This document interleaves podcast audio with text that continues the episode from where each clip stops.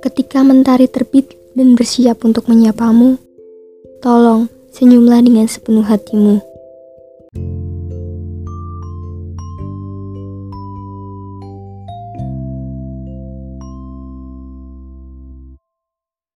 Halo semua, balik lagi bersama aku Ina di ngoceh bareng Ina. Di sini Ina masih sendiri aja ya, Ina masih monolog, ngomong sendiri dan ngoceh sepenuh hati Ina mau. Oke, di sini Ina akan jadi anak indie. Wow, seru banget gak sih jadi anak indie yang ya selalu kata orang-orang tuh selalu melihat matahari tenggelam. Katanya anak indie.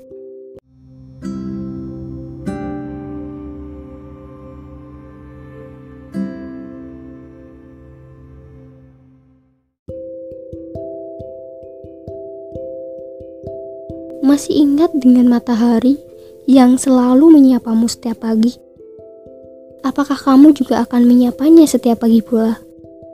Ataukah kamu akan tetap tertidur nyenyak dan terus bermimpi? Apakah kamu akan seperti itu? Tentunya tidak. Sapalah matahari dengan senyumanmu, sapalah matahari dengan semangatmu. Sang putri tidur, tetap tidur, dan tidak akan bangun kembali kecuali sang pangeran datang dan menghampiri.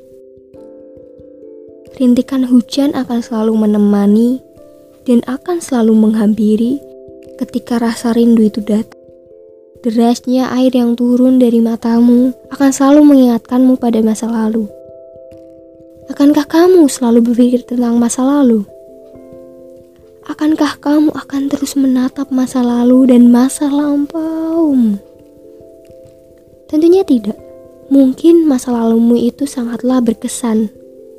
Mungkin masa lalumu itu sangatlah eksotik. Jadikan masa lalumu itu sebuah kisah.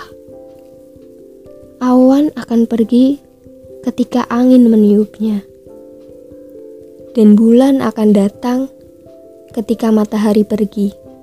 Hujan akan sirna ketika pelangi itu tiba.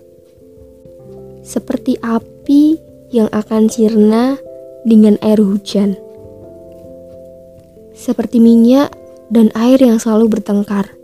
Tapi, apakah kamu paham mengenai hatimu? Hati kecil mungil yang ada di dalam dirimu yang pantas kamu hargai. Oke, okay, ye. Jadi itu adalah aku menjadi anak indie. Sebenarnya susah banget ya jadi anak indie karena emang basicku aja yang nggak bisa jadi anak indie.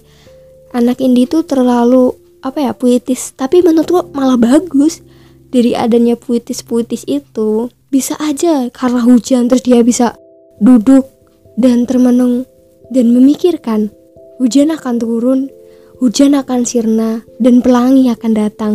Nah, kayak gitu. Susah banget ya ternyata jadi anak indie gak semudah yang dibayangin. Oke, mungkin sekian dari episode aku kali ini.